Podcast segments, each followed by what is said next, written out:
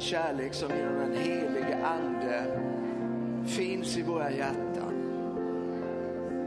Och vi vill ge den till dig just nu, Herre. Vi älskar därför att du först har älskat oss och det första vi älskar, det är dig, Herre. Det största och det mesta vi älskar, det är dig. Tack Herre för din härlighet på denna plats. Du är välkommen idag. Ha din väg. Tala ditt ord. Gör dina gärningar. Låt oss få se din härlighet. Vi ber i Jesu namn. Vi ber i Jesu namn. Halleluja. Vi ber i Jesu namn. Tack Jesus. Amen. Ge äh, en kram eller ett handtag eller någonting till någon, någon som står runt omkring dig. Så får du varsågod och sitta ner. Tack ska ni ha älskade vänner.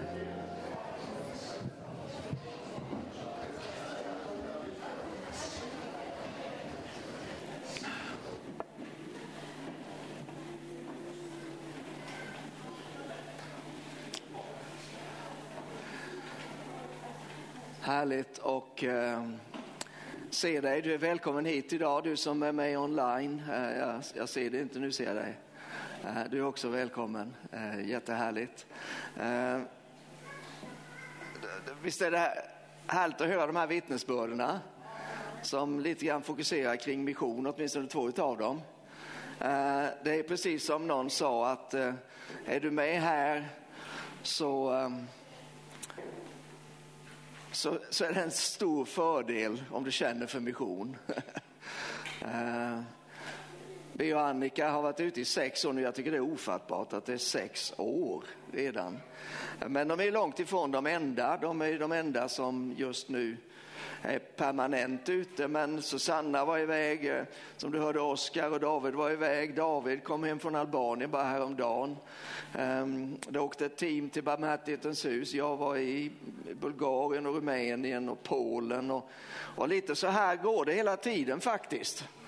Um, och nu glömde jag kanske nämna någon, för då be om ursäkt i sådana fall. Men det här är vi, det här är väldigt mycket vi.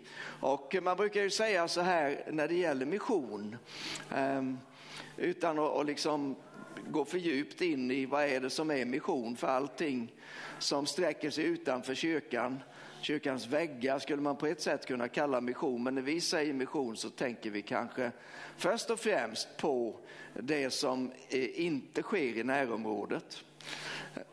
Men man brukar säga att det finns tre saker som man med fördel kan göra.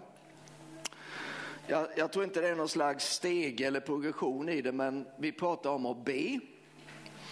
Och det är förstås väldigt dyrbart. Eh, alla som har rest och vet om att det finns folk som är hemma och som ber, vet vilken skillnad det gör. Det är så nödvändigt att ha bönerna i ryggen. Och det kan vi alla göra.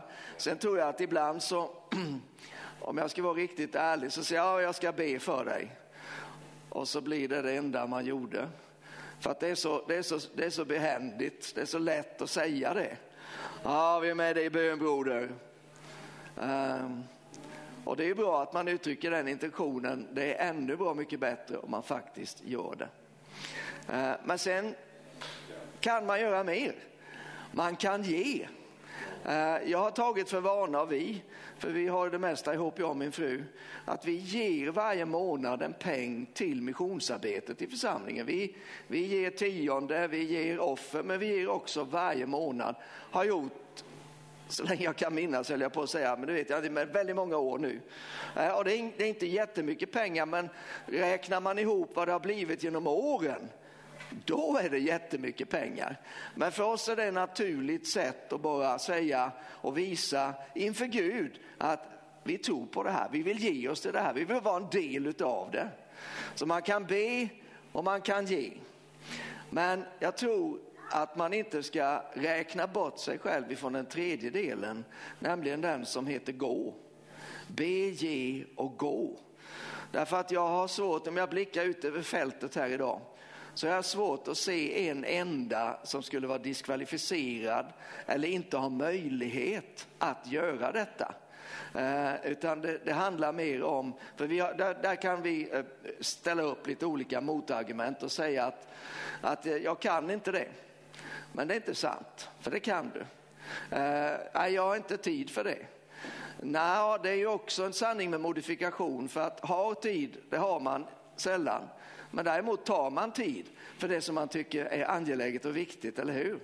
Eh, och så kan man gå igenom olika eh, tankar man har för att faktiskt inte göra det. Men eh, jag, jag, jag, känner mig ganska trygg med att jag kan bryta ner allihop dem. Jag ska inte göra det just nu, men vad jag vill göra det är att uppmuntra dig till överväg om inte du också ska ge dig ut på någon slags missionsäventyr. Det måste inte vara som sagt var i åratal, det måste inte vara på andra sidan jordklotet, men på något vis. Jag skulle så gärna vilja skicka iväg ett team ner till Balkan som reser runt och ber några dagar. Så om du gillar att be, då skulle du vara som klippt och skuren för att åka ner dit och bara bryta mark. Jag pratade med ett team förra veckan tror jag det var som hade varit på en av de tuffaste platserna i, på hela Balkan och därmed hela Europa skulle jag vilja påstå. Och de, de, de kände som att de, de gick i seg sirap. Det var inte bara sirap utan det var seg sirap. Och så sa de, vad, hur gör man för att bryta igenom? Det här är ungdomar som håller på med vision på heltid. De är supergoa, supertända. De har allt. De är bara bäst. Men så, vad ska man göra för att bryta igenom? Så frågade de mig. Och så sa jag, ja, jag tror att det, det, vi måste vinna seger i bön på de här områdena. Det finns saker, vi måste bara bryta igenom i bön först och sen så kan vi göra allt det där som vi drömmer om. Så eh, är du sugen på det eller på någonting annat, prata med David, prata med mig, prata med Herren framför allt förstås. Och så ska vi se till att du kommer ut. Att detta apropå mission. Idag är det första advent, du har redan noterat det och Karina har redan lett oss in på spåret och kanske på ett sätt skulle jag också predika advent idag men sen jag tänkte på det så tänkte jag men jag har ju inte gjort annat än predika adventsbudskap hela hösten. För det är det vi håller på med hela tiden. Vi förbereder för Guds ankomst. Vi bereder en väg för Herren. Det är det vi jobbar med, det är det som, som budskapen har syftat till. Antingen vi talar om lärjungaskap, vilket vi gjorde ett tag, och, och nu pratar vi om, om Guds rike och så vidare, så, så har det samma syfte. Um, Advent betyder ju ankomst. Vi väntar att Gud ska komma.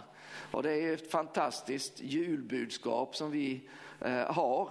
Eh, nämligen det att det är inte bara en, en liten fin bebis som föds i ett stall utan det är Gud själv som kommer till den här världen.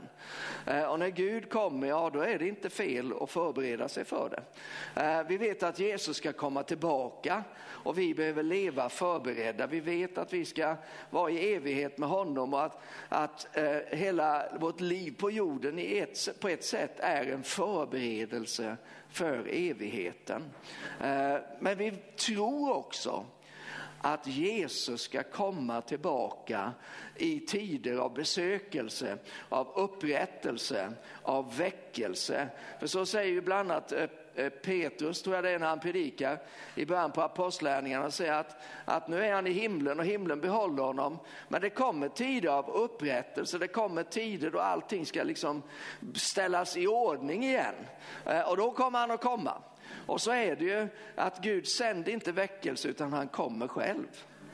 Eh, men det jag skulle vilja tala med dig bara några minuter nu om, det är inte om Guds ankomst, utan det är om din och min ankomst. För den är också viktig. Den har sin plats och sin nödvändighet. Eh, och jag vill ta eh, berättelsen från gamla testamentet som en utgångspunkt i det. Ni vet berättelsen om, om Israels barn, eh, hur de hamnar i Egypten. Faktiskt genom Guds försorg som räddar livet på dem.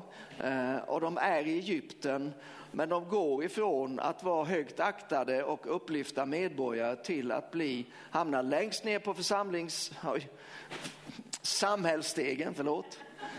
Vi har inga stegar i församlingen. Nej, tack och lov för det.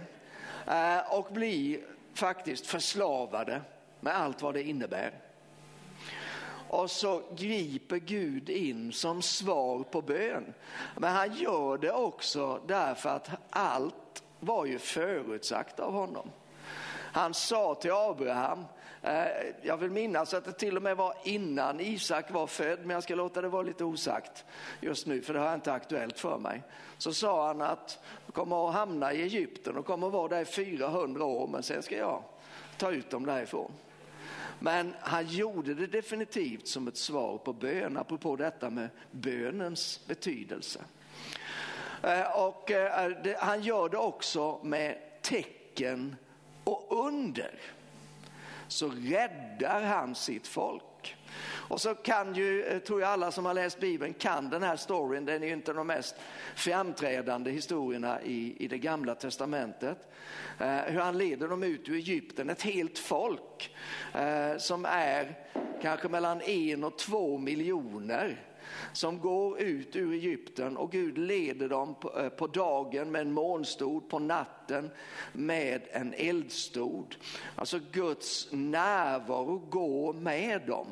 Och så kommer de till Röda havet eh, och Röda havet delas eh, genom Guds fantastiska kraft och de går igenom och så kommer Egyptens armé efter dem och Egyptens armé som ju står för den här världens makter, den dränks i havet när vattnet vänder tillbaka och så är Israels folk fria.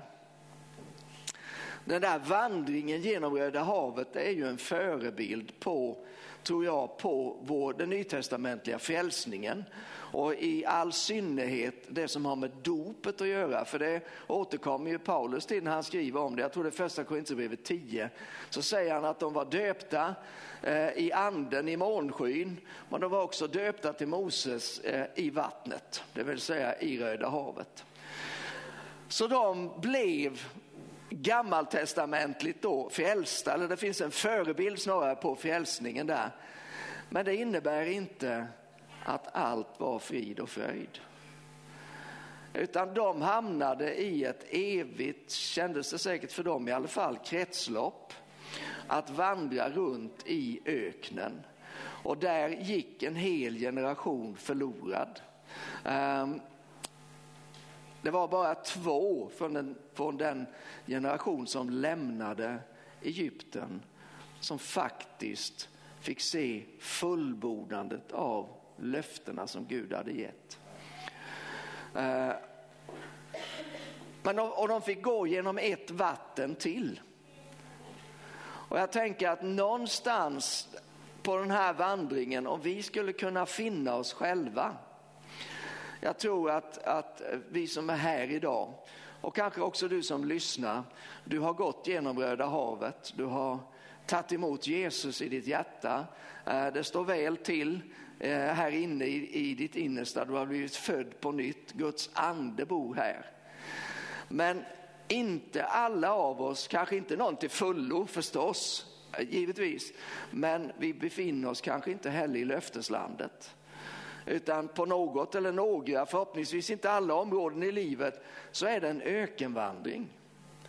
Det, det, man vet att det finns mer, man vet att man är skapt för någonting annat, men man har inte riktigt fått smaka verkligheten av det.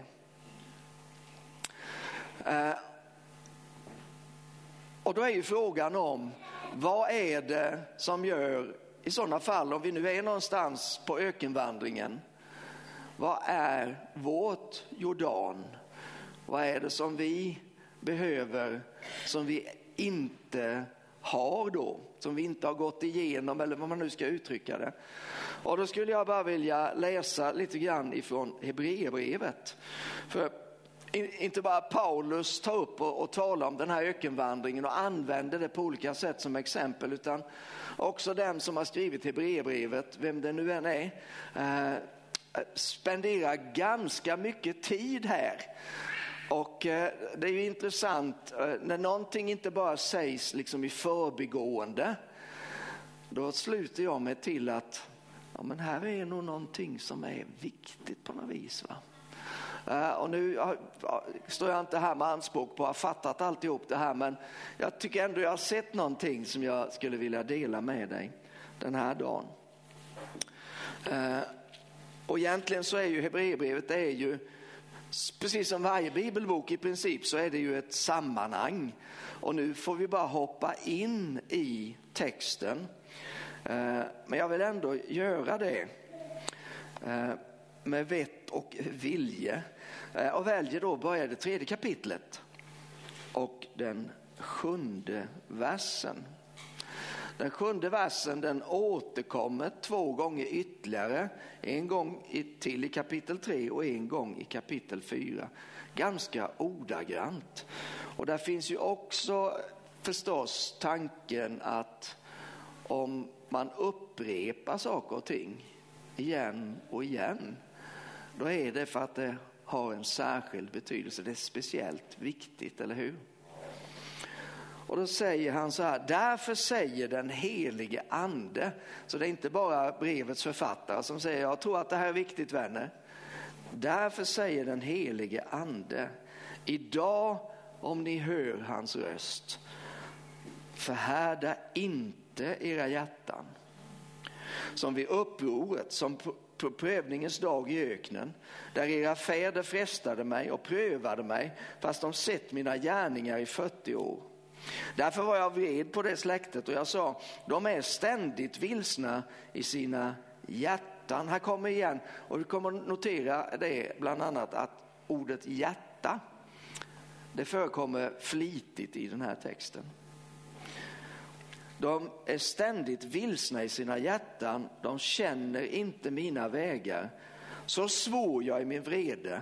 Så det är, det är inte bra när Gud svär, eller hur? Nu var det inte en e, alltså någon svordom han drog till med, men alltså det, det ger ju lite extra eftertryck, eller hur? Jag svor i min vrede, de ska aldrig komma in i min vila. Och här tycker jag någonting som är intressant då. För, för i det gamla förbundet så talade man om löfteslandet. Men när Hebreerbrevet tar tag i det här så är det inte så mycket tal om själva löfteslandet. För de har ju kommit in i det, men det står ju för någonting nytestamentligt, någonting som är ännu starkare och härligare än en fysisk geografisk plats som är väldigt eh, behaglig att finnas på. Eh, och då kallar han det för vilan. Alltså, vem här vill inte vara i vilan? Jag ser inga händer upp i alla fall. Det är, ju, det är lite det som är vår tids eh, stora önskan och behov. Vi behöver vila, vi är trötta, vi orkar inte. Ah, om jag bara fick lite ledigt och kunde vila, lite den känslan. va? Och här säger Gud, de kommer aldrig att komma in i min vila. Och det är klart, om man då längtar efter vilan, då lär man ju kolla vad är det Gud pratar om här. Jag vill vila. Bröder, säger han i vers 12. Vi fortsätter att läsa. Vi ska inte läsa hela Hebreerbrevet, men några verser bara här tar vi med oss. Bröder, se till att ingen av er har ett ont och trolöst hjärta, kom igen, så att han avfaller från den levande guden. Uppmuntra varandra istället varje dag så länge det heter idag så att ingen av er förhärdas genom syndens makt att bedra. Kommer du ihåg vad vi började att läsa? Idag om ni får höra hans röst så förhärda inte era hjärtan. Här talar han om vad det är som förhärdar hjärtat. Han säger synden är det som förhärdar hjärtat. Och där går ingen av oss fria, därför att vi lever i en värld som är smockfull med synd. Vi är omgivna av synd. Vi är fortfarande på visst sätt benägna till att synda, trots att vi tillhör Jesus Kristus. Men så fort vi gör det så har det en påverkan på hjärtat och så fort vårt hjärta blir påverkat så påverkar det också vår relation med Herren. För det är en hjärterelation. Vi är Kristi vänner, säger han i vers 14, om vi stadigt håller fast vid vår första tillförsikt ända till slutet. Det här, tillförsikt är ju ett annat sätt att uttrycka tro. Och vi ska se trons betydelse, hoppas jag här, innan vi slutar det här budskapet idag. Eh, men det är betydelsefullt att vi håller fast vid den första tillförsikten. Bibeln talar också om den första kärleken och hur oerhört betydelsefull den kärleken är i Guds ögon. Så att, så att det där som, som finns initialt, eh, ni måste bli som barn för att kunna ta emot, sa Jesus. Och det där är någonting som är så dyrbart inför Gud. Det första, han, han värdesätter det. Och sen säger han igen i vers 15, det heter idag om ni hör hans röst, förhärda inte era hjärtan som vid upproret. Vilka var det då som hörde men ändå gjorde uppror? Var det inte alla de som Mose förde ut ur Egypten? Och vilka var han vred på i 40 år? Var det inte på dem som syndade och blev liggande som lik i öknen? Det är tuffa tag här, hörni, eller hur? Och vilka gällde hans ed att de aldrig skulle komma in i hans vila om inte de som vägrade lyda? Vi ser alltså att det var på grund av otro som de inte kunde komma in. Han nämner eh, Hebreerbrevet fyra olika saker som ställde sig i vägen för att Guds folk inte skulle kunna gå in i fullheten av vad Gud hade tänkt för dem. För det första så gjorde de uppror. Uppror är någonting som väldigt, är väldigt nära förknippat med den onde. När man läser om hur det gick till när han gick ifrån att vara en upphöjd eh, ärkeängel i himmelen, eller åtminstone brukar vi säga att han var en ärkeängel, men åtminstone en ängel i himlen, eh, och till att bli en antibild av allt det goda. Så vi kan läsa om det bland annat i, i eh, Jesaja Jesaja 28 och Hesekiel 14 eller tvärtom. Ehm, Eh, jag blandar alltid ihop det där. Men där kan man se att det var just ett uppror. Det fanns någonting i honom, eller föddes någonting i honom som gjorde att han kunde inte bara ställa sig under Gud. Han ville ställa sig bredvid Gud, eller allra helst lite över Gud. Hur galet det än kan låta så är han ju inte ensam om det. Därför att vi bär alla spår utav samma attityd i våra liv. Inte så att vi på det sättet tänker att men, eh, jag är ju mycket bättre än Gud, jag kan ju mer än Gud. Inte så. Men att vi inte litar till att det Gud har sagt, att det är någonting att bry sig om eller ta till sig eller underordna sig. Då är det samma attityd som finns i oss var och en. Och nu är du så fin människa så du har säkert aldrig varit utför. Men här står en som blir upprorisk mot Gud ibland och som tycker att jag vet väl ändå bäst eller jag vill ju någonting annat och då gör väl, gör väl jag som jag vill. Och det kallar Bibeln faktiskt för uppror. De hörde men ändå gjorde uppror.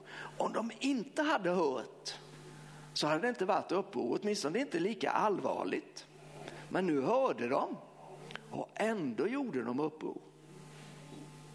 Ja, det finns mycket att säga om det. Men det andra de gjorde, de syndade. Och där kan vi alla räkna in oss själva på olika sätt. Ehm, men det får alltid följder. Gud var vred på dem i 40 år. 40 år är ganska länge. Och man tänker dessutom att man befinner sig i öknen. Men det var på grund av synd och de blev liggande som lik i öknen. Syndens lön är döden. Det tredje som han nämner här, det var olydnad. De vägrade att lyda. Ja, att lyda har ett pris. Men att lyda också en belöning. Ni vet att, att Paulus i Romarbrevet så både börjar och slutar han brevet med att tala om betydelsen av trons lydnad. Att tron vill lyda, tron har i sig en förmåga att lyda. Det vill säga att underställa sig, det är motsatsen till upproret tänker jag. Och sen en slags sammanfattning av detta fick vi i den 19 versen. Vi ser alltså att det var på grund av otro som de inte kunde komma in. Otro tänker jag, det är, det är mer än när vi bara tvivlar. Otro tänker jag är en ovilja att tro. Jag vill inte tro på det här. För om jag, om, jag, om jag tror på det här så blir det inte som jag vill och jag vill så då vill jag inte tro. Men allt detta, det var det som höll dem i öknen under alla år. Det var det som gjorde att en hel generation dog i öknen. Men vi, vi vill ju komma an, ankomst, vi vill ju ha en ankomst in i löfteslandet. Eller hur? Vi vill inte vandra i öknen. Vi vill gå genom Jordan också så att vi verkligen kommer in. För så fort de hade gått över Jordan då noterar vi att då slutade det som var förknippat med ökenvandringen. Det fanns inte längre någon eldstod, det fanns ingen molnstod, det fanns ingen manna, utan istället så kunde de leva ett helt annat liv. Landet producerade allt vad de behövde. Omständigheterna blev förändrade i och med att de gick in i löfteslandet. Vi fortsätter några verser in i kapitel 4 också. När nu ett löfte finns kvar om att få komma in i hans vila, låt oss då akta oss så att ingen av er visar sig gå miste om det. Alltså betyder ju detta att det går att missa det. Även fast man inte vill, vi behöver akta oss så att ingen visar sig gå miste om det. Och sen gör han en, en, en slags koppling här som jag tycker är intressant. Evangeliet har förkunnats för oss liksom för dem. Men de hade ingen nytta av ordet de hörde eftersom det inte smälte samman i tro med de som lyssnade. Det är vi som tror som går in i vilan. Vi ska komma tillbaka till den versen, men vi läser lite, lite grann till. För nu, nu går han igenom det här en gång till så att man verkligen äh, ska få tag på det tror jag. Herren säger, så svor jag i min vrede, de ska aldrig komma in i min vila. Ändå har hans verk stått färdiga sedan världens skapelse. För på ett ställe säger han om den sjunde dagen, och Gud vilade på den sjunde dagen från alla sina verk. Men här säger han, de ska aldrig komma in i min vila. Det står alltså fast att vissa går in i vilan och att de som först fick höra evangeliet inte kom in på grund av olydnad. Därför bestämmer han på nytt en dag, idag, när han långt senare säger genom David vad som redan är sagt. Idag om ni hör hans röst, förhärda inte era hjärtan. Han, han, relaterar tillbaka till Davids psalm, den 95 psalmen tror jag det är, där, där David går igenom lite grann av den här ökenvandringen och han just har det här uttalandet, idag om ni hör hans röst så förhärda inte era hjärtan. Om Josua hade fört dem in i vilan skulle Gud inte senare ha talat om en annan vila. Alltså kvarstår en sabbatsvila för Guds folk. Den som går in i hans vila får vila sig från sina gärningar, liksom Gud vilade sig från sina. Låt oss därför sträva efter att komma in i den vilan så att ingen kommer på fall som dem och blir ett exempel på olydnad.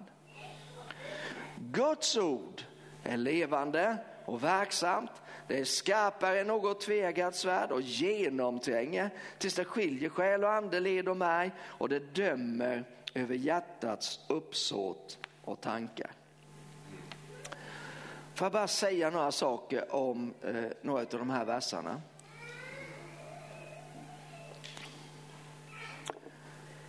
De hade ingen nytta av ordet de hörde eftersom det inte smälte samman i tro med dem som lyssnade.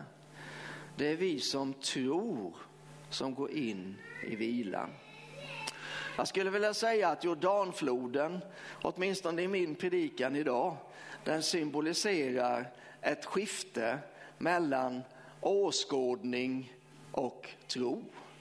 Man går från åskådning, man går från att vara ledd eller motiverad eller påverkad av de omständigheter som finns runt omkring en, av de erfarenheter som man bär med sig från, från um, livet som helhet.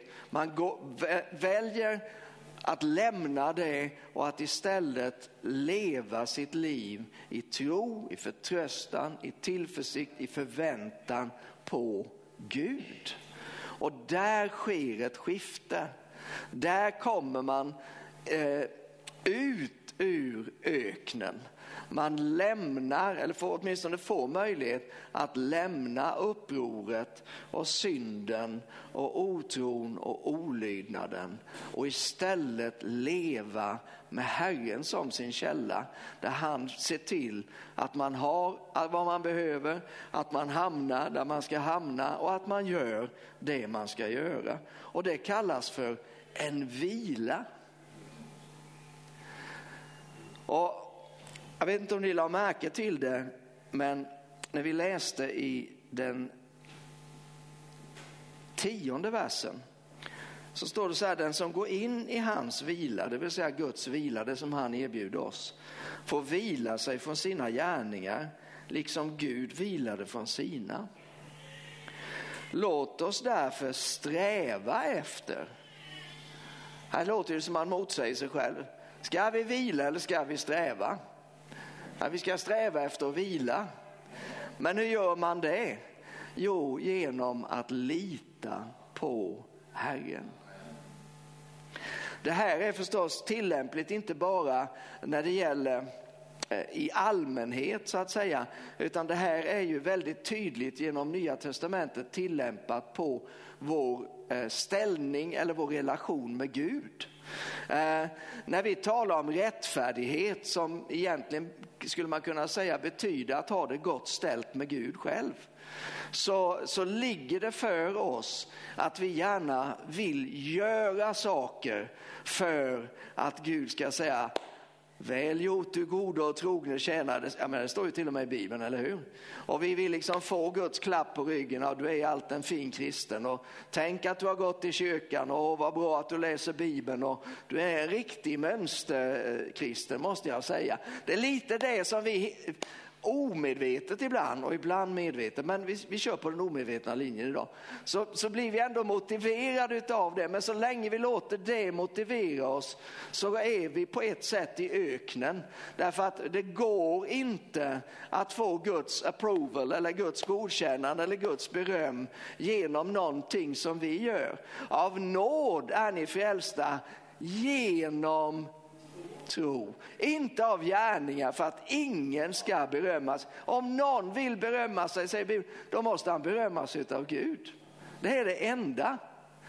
Och där är ju förstås en, en, en oerhört viktig eh, applikation av det som jag försöker förmedla den här dagen. För där brottas vi, även vi som har eh, förlitat oss på den frälsande nåden, vi har ändå en kamp på detta. Eh, och vi, blir, vi, vi har lätt att liksom, vi nitälskar för Herren.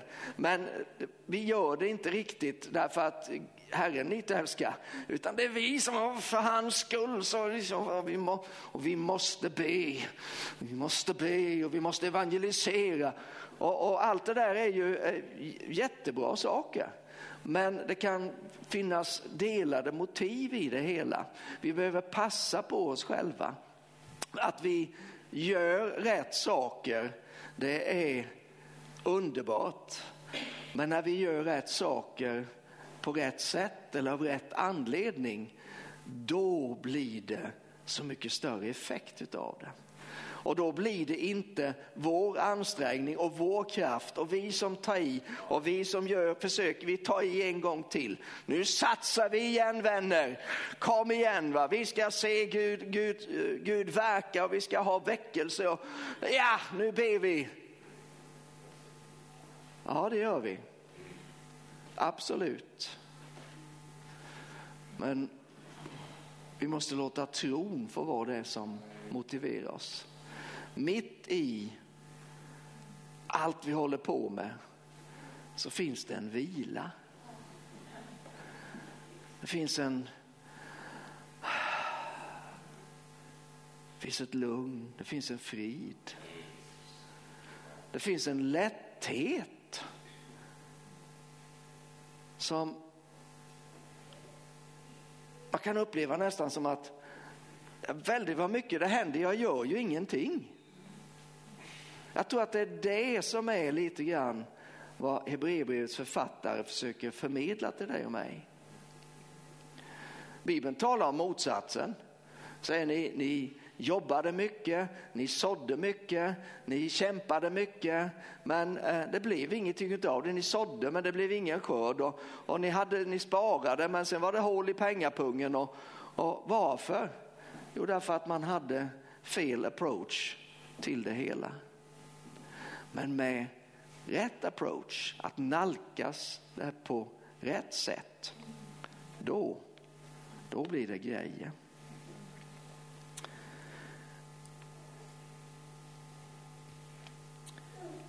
Jag vet att den här liknelsen med Röda havet och, och Jordanfloden den är inte tillräcklig och den är dessutom haltande.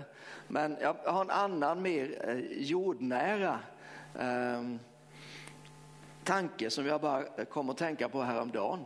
Och jag vet inte om, eh, att jag tänker att åtminstone en del av karlarna, säkert kvinnorna med, har jobbat med olika, eh, till exempel eh, plastic padding. Vem har, vem har varit i kontakt med plastic padding någon gång? Ja. Eh, intressanta grejer.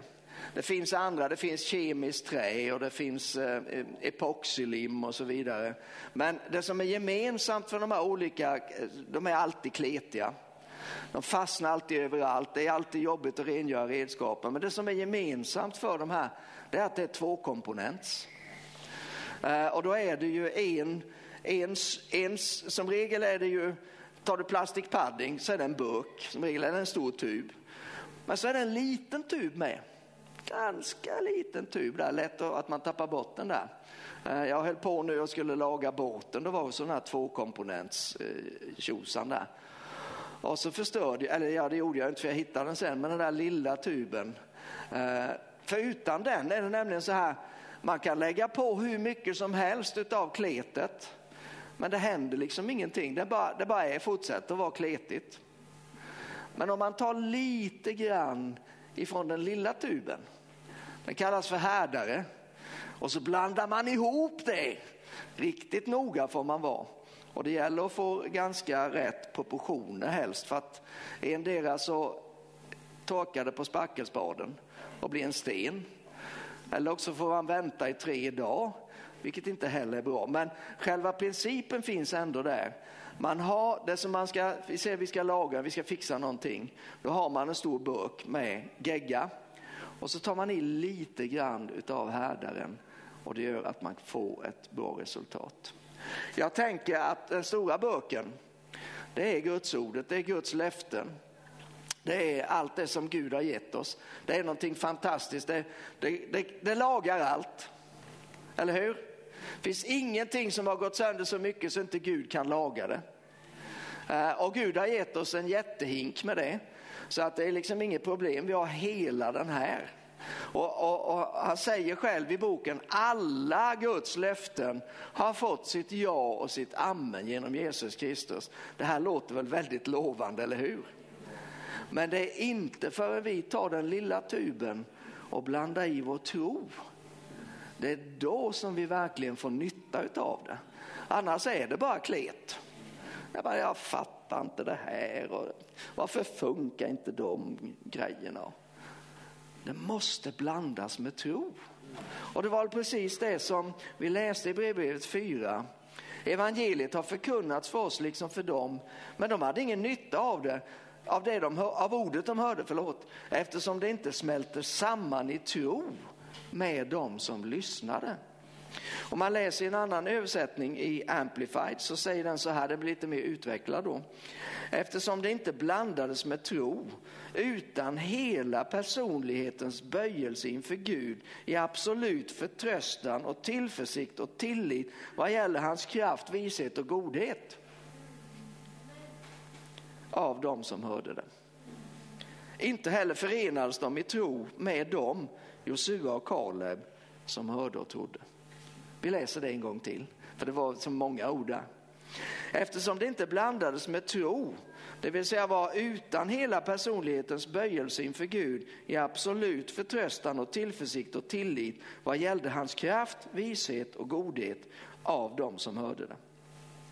Inte heller förenades de i tro med dem, Josua och Kaleb, som hörde och trodde.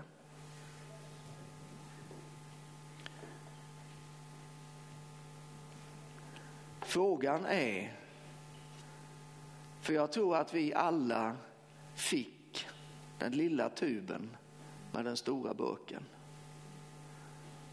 När vi tog emot Jesus så fick vi hela kittet. Man skulle kunna säga att den, den lilla tuben där, den, den heliga ande och skulle kunna göra olika applikationer. Men just idag så talar vi om tron, för Bibeln talar ju här om, om trons betydelse och nödvändighet och också om trons vila. Och jag tror att vi fick det, men frågan är, vad har vi våran tub? Har vi framme den? Blandar vi i den modet? Man kan ju läsa Bibeln varje dag och det händer liksom ingenting. Det blir, ja, det blir ett tidsfördriv, det blir en vana, det blir en tradition, det blir en slentrian, det blir en religion i förlängningen. Men det blir ju ingen skillnad i livet. Eller också så kan man läsa kanske bara ett litet stycke, men så tar man fram den lilla tuben och så tar man i lite. Härdaren gör att hjärtat inte förhärdas. Är det inte märkligt? va? Vilken, vad heter det, paradox. Tron gör att hjärtat inte förhärdas. Däremot när man håller på och kämpar och jobbar och, och vill en massa saker men det inte händer, det är då som hjärtat har lätt att bli förhärdat. Man blir lite besviken, man blir lite uppgiven, man blir lite så här, nej det går, det, det funkar inte för mig alltså. Och, och, direkt så hör man det blir en annan ton, det blir liksom inte det där glada och förväntansfulla utan det blir mer ack och ve och, och lite suckan och, och sen vet man att mm, det ska man ju inte ska man inte vara sån. Men det lyser liksom ändå igenom för en. Man fixar inte riktigt att hålla upp det för man måste kunna etablera det på någonting eller bygga det på någonting.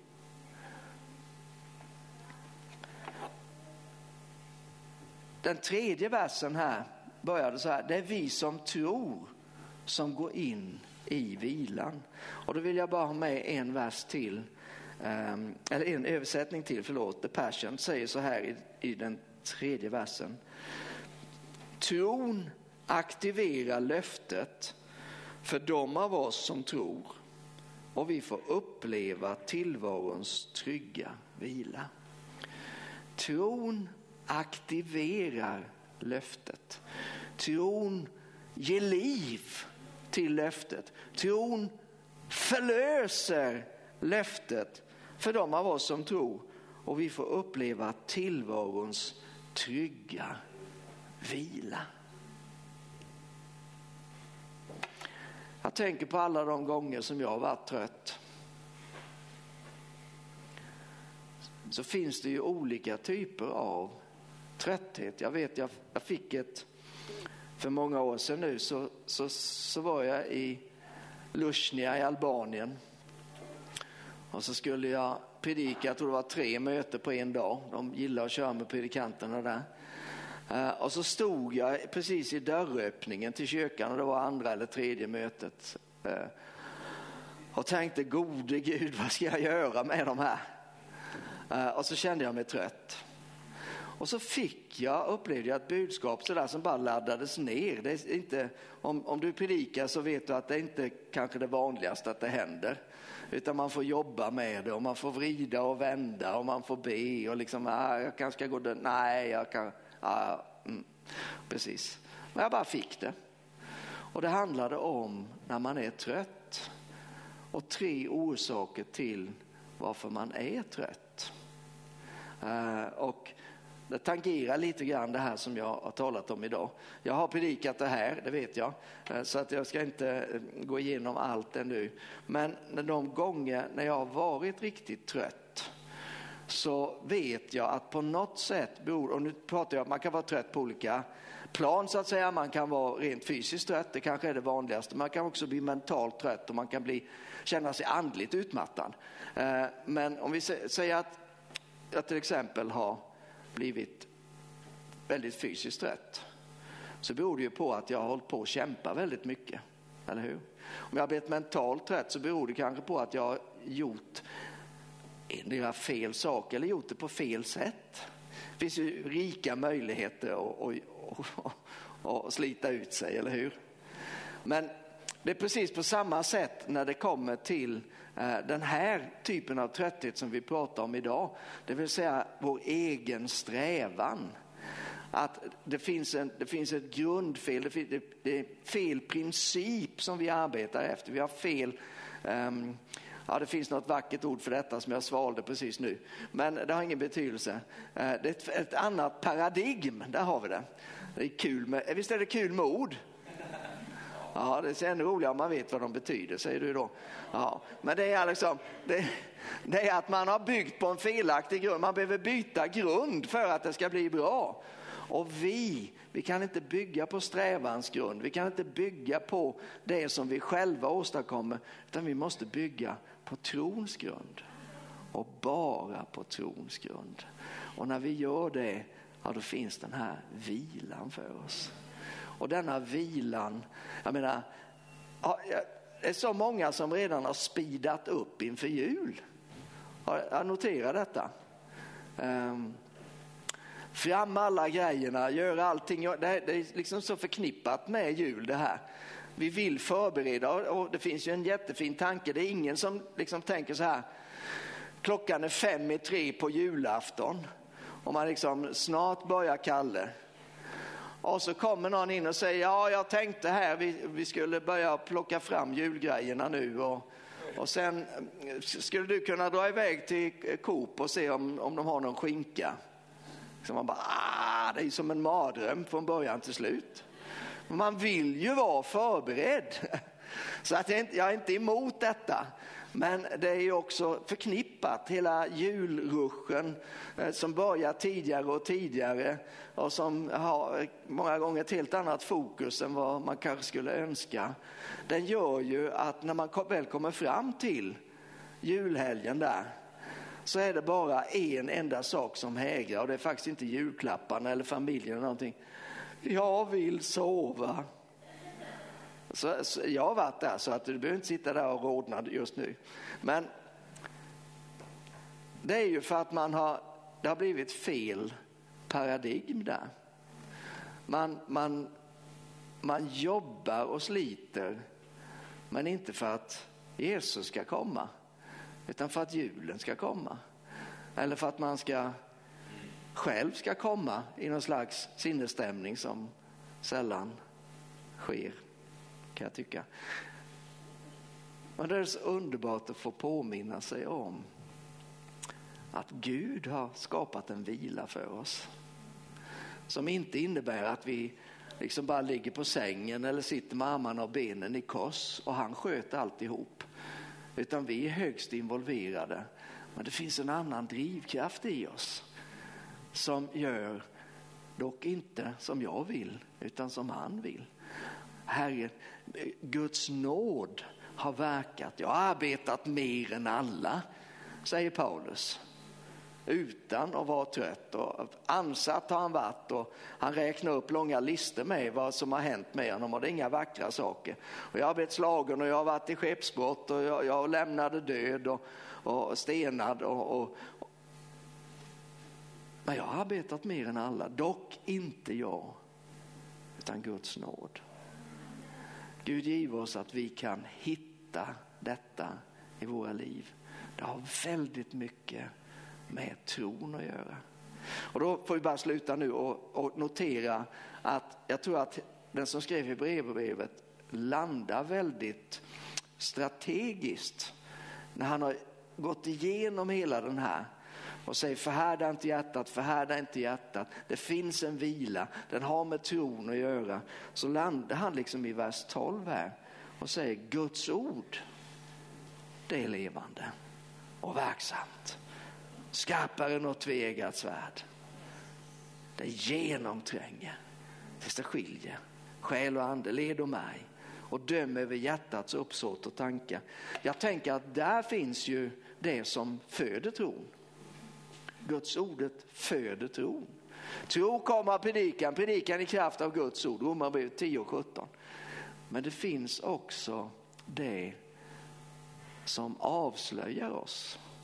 Det skiljer mellan led och märg, själ och ande och det dömer över hjärtats uppsåt och tankar. Vad är det som driver mig?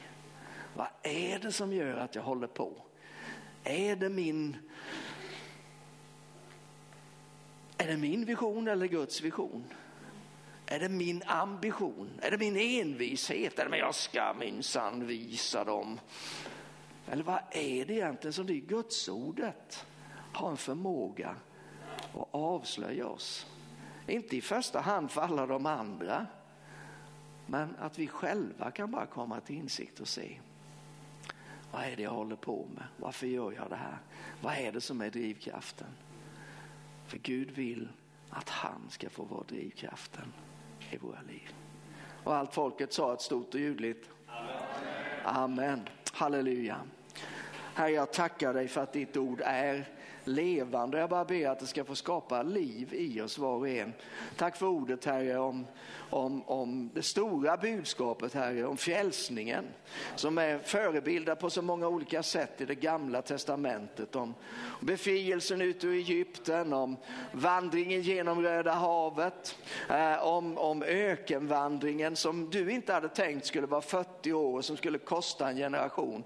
Men också om eh, promenaden genom Jordan och inträdet i det faktiska löfteslandet.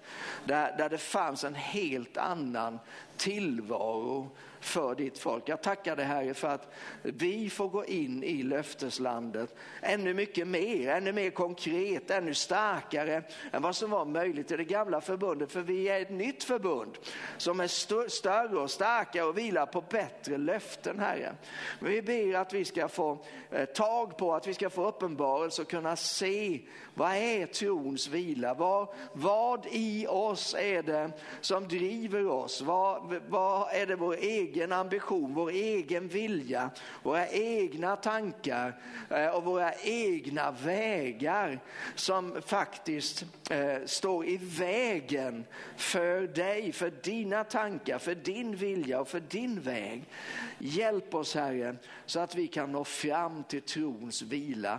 Vi är inte här Herre för att vandra i en öken. Vi är inte satta på den här jorden för att dö skilda ifrån allt det som du tänkte att vi skulle ha och skulle göra.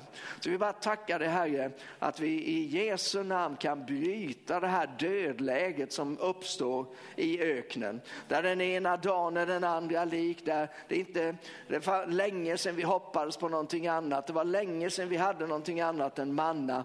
Vi bara ber Herre att det ska brytas, att det ska skapas utrymme, att det ska skapas progression i den heliga ande, att vi kan gå framåt, att vi kan komma fram till löfteslandet, att vi kan vara där vi behöver vara när vi ska ha en konferens i slutet på januari, att vi kan se Herre att dina löften faktiskt kommer att gå i fullbordan, även att vi har väntat så länge, så länge, så länge så att vi har slutat att vänta, men att vi får ta upp den förväntan och den förtröstan till dig och den övertygelsen att den får liv igen i våra hjärtan. För tron är en övertygelse om det man hoppas. Halleluja, om sådana saker som man inte kan se men som du har visat här i ditt ord. Att det får bara leva igen.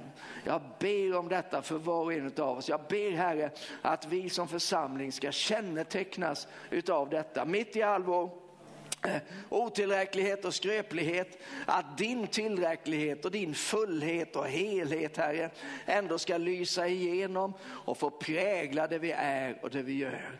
I Jesu Kristi namn. I Jesu Kristi namn. Oh, tack Jesus. Ja, det kändes riktigt bra måste jag säga. Halleluja. Ska vi, ska vi stå upp tillsammans? Vi ska eh, låta Karina avsluta om en liten stund här, men vi har ju gott om tid. Det är ju första advent, då gör man ju ändå ingenting mer än att tända ljuset. Och det har vi redan gjort. Visst är det fint här? Ja, det är ju bara njut. Halleluja.